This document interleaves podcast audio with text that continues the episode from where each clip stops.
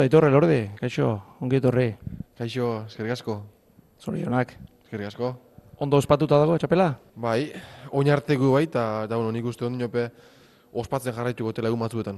Nola joan zen atzoko gabekoa? Bueno, ba oso ondo, ez? Azkenien e, maia ebintzako, ez niretzako agarrik, herri guztientzako, ba, bueno, atzo egun berezi bat izen zala, eta, eta bueno, nik uste lehengo, eguneko lehengo ordutik, ba, nabari izen zala, herri hori, eta, eta bueno, gero ongi etorri ikaragarri eta berezi bat egin zoztien herrixen, eta, eta bueno, danok ambiente soragarri eta sano baten ospatu dut txapela. Asko luzatu da gaua edo, edo behartzuena? Behartzuena. Jose Javier Zabaleta, kaixo, ongi etorri zuere. Kaixo, ai, Eta zorionak. eskerrik asko. Zurea, nola joan da, ospakizuna? Bantzeko parecido, ez? Azkenean e, etxarrenera iritsi nintzen, jende asko zegoen hor kalen itxoiten, petardo botatzen, kantatzen, azkenean, bueno, e, oso gustora egon ginen, gero afaltzen, musika jarri zuten, eta, bueno, denak oso alaitxu. Bueno, eh, partida iribuz, finala iribuz zerbait galdetu behar dizuet. Eh, Jose, ez dakit nola bizi izan zenuen barrutik, kanpotik, bueno, etzen munduko finaliko onena izan, baina atzo aitorrak esan zuen bezala finalak eh, irabazteko daude. Zu nola sentitu zinen? Eh, kolpea soltatu ezin da bezala edo antzematen zitzaizun pixkat, eh, dezero zuztut esango, baina eroso eroso ere akaso ez? Bueno, nahiko lasai hasi nintzen, azkenean e, bost et- eta hutxe hasi, hasi ginen, eta horrek, bueno, lasaitasun puntu bat e, emate dizu. Bueno, gero beraiek ere bai bere momentu auki zuten, baina bueno, gu borrokatzen segitu genuen, Eta bai esaten duzuna, e, bukaeran e, sentitu nintzen e, hobeto, horreukin nituen lau bostanto gehiago gozatu nituenak, elordi asko lagundu zidan e, horretan, eta, eta bai, esaten duzuna, e, bukaeran pixkat e, gehiago disfrutatu nuen. Ia beti aurretik, aitor, baina era bat eh, aldendu ezin da. Gero, finalak denetarik ere izan zuen apur batez, ez da nahi dute tenaldiak ere bai, unaik min hartu zuen, bueno, ez dakit, nola bizi izan zuk zure lehen finala handi hau? Bueno, niretzako esan final erreza izen, ez? Azkenien, e, bueno, tensio handiko partida bat izen zen, alde hortatik nik uste ondo kudeatu nabala, tensio eta presio hori, baina hain egon nintzen nirien zentraute eta entxufaute, ba, ba bueno, en, enitzela partiduan egoeran egoeraken hainbeste konturetzen, ez? Ba, nekixen, ba, bueno, esoien la olako final brillante bat, esilako igual hainbeste tanto espektakular egon, baina, bueno, azkenien gure helburu esan atzo tanto onak eitzi, ez? Gure helburu eta biriltzi izan, euren esan moduen, eta, eta bueno, horretan ipini egin duzen alegin danak, pareja moduen e, sendo egoten, eta, eta bueno, txapelketan konpenetrau gazen moduen konpenetratzen, eta, eta bueno, azkenin lortu genuen. Bueno, hitz egin dezagun, e, zeuk esan duzu, txapelketa, ez da? E, txapelketa zuen zenbakiai begiratuta, e, mesortzitik amabost irabazi dituzu euneko larogeitik gorako garaipenak dira horiek, eta bueno, badirudi txapelketa joan dela zuentzat, buf, hola, aldapan bera bezala, baina bueno, txapelketa honek izan ditu zuentzat ere e, gora berak, nahi dute ez da erreza izan, ez dago txapel errazik. Aitor, zein izan da unerik gogorrena eta nola bizi izan duzu oroar txapelketa?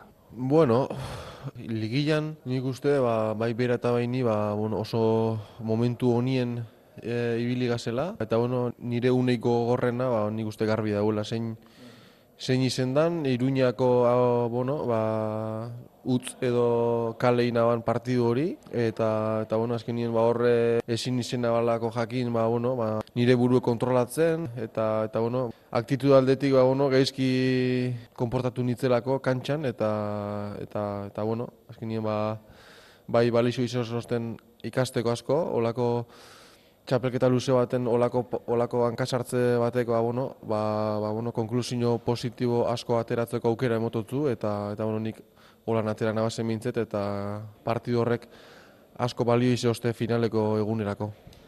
Jose, galdetu behar dizut zuri, e, bueno, ja txapelketa gehiago jokatu dituzu, galdetu behar dizut, bueno, zuretzat ez da izan txapelketa erraza, e, nahi bezala entrenatu ezin da, askotan pentsatzen dut zalantzekin iritsi partiduko egunera, nola joan da? Bai, ba, niretzat e, txapelketa gogorrena izan da, e, oso luzea egin zait, e, euki ditut aste asko, bueno, pixkat e, sufritu ditudanak, e, kostatu zait e, asko, bueno, entrenamendu honak e, egitea, zergatik, bueno, sentsazio fisikoak e, ez ziren oso onak, eta, bueno, azkenean horrek egiten dizu, ba, ba asteburura, ba, dudakin iritsi ez. Gero aurkitzen nintzen asteburuan, bueno, elordi handi batekin, e, astebururo tanto pila bat e, egiten zituen elordi batekin, eta azkenean, bueno, horrek ere bai laguntzen du, eta talasaitzen dizu, eta, gero ere bai, ba, ba, bueno, e, laguntzen dizu, ba, ba ere bai, ba, hobeto jokatzeko kantxa barroan ondo moldatu zarete, hori begibistakoa da.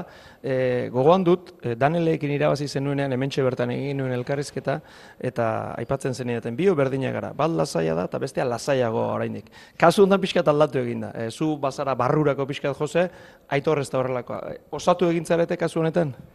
Bai, azkenean, bueno, niri gustatu zaitez, e, hilabete hauetan elordik e, transmititu, transmititu didana, beti alaitxu, irrifarrez, egon da entrenamendu guztietan, partidu guztietan, e, aldageletan, bueno, momentu latza pasatu ditut berarekin, eta, bueno, e, niretzatein e, txapelketa zaia izan da, ba, ba bueno, e, bere jarrerak ba, ba asko lagundu dit.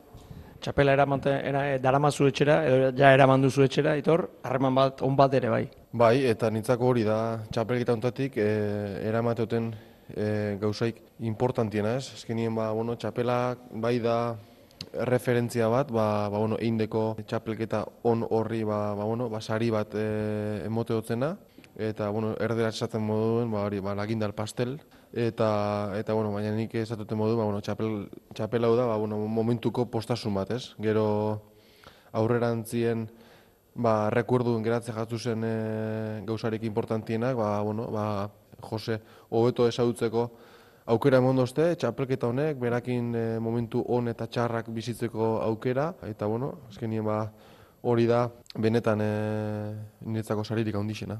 Bueno, azken egin behar dizuet, eta pixka bat, e, txapel honek zuentzat e, zer suposatzen duen, aitor, kanpoan ikusi zinen, erdi kanpoan, enpresatik e, ba, kontratua berritu bai ez, eta egin duzu gora, puf, batzuk sartu eta gora egiten dute berehala, beste batzuk urratxe zurratxe lanaren poderioz, e, mugarri bat da, txapel hau?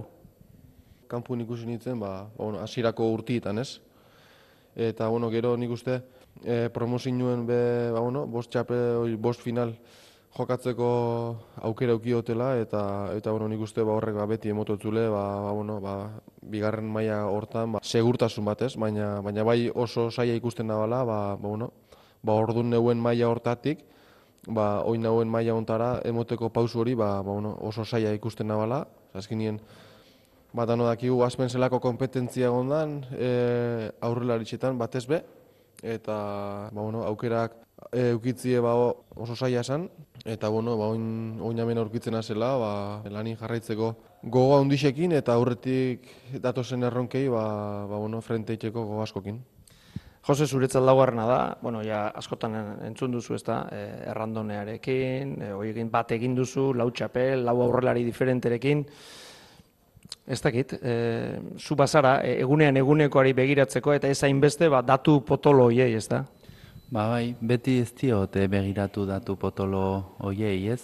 Azkenean ni beti zentratu naiz e, asteroz asteroko lan horretan, beti saiatzen naiz eta alik eta hauekin prestatzen partiduak e, astean zehar, gero bueno, e, zabaletaren joko honen asteburuan ateratzeko, beti ez da lortzen e, joko hori ateratzea, baina bueno, e, saiatzen e, segituko dugu. Ba, bueno, izen potolo hoiekin ba, ba, bueno, e, pelota bukatzen dudanean ba, egoteko. Baia horrela izaten den, segi lanean mutilak eta gozatu txapelo.